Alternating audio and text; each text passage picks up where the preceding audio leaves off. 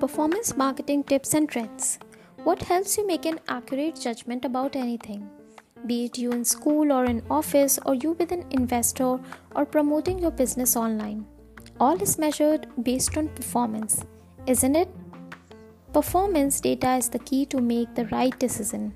Trackier is a tool that provides you with the following features customer retention, it helps in automating payments also customize data reporting, protecting interest, fraud shields, and form trust with your partners. What to consider while creating a performance marketing campaign?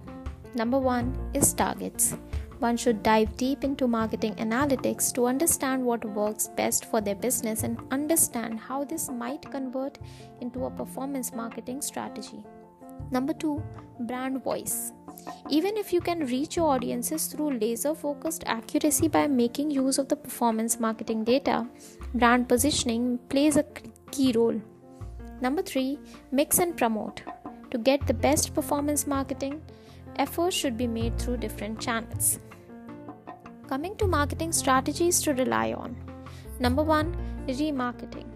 Using dynamic remarketing, the ads can be tailored based on customer behavior. Number two, influencer marketing. The most happening way of marketing in today's world is this it forms trust and an emotional connection in the mind of the customer.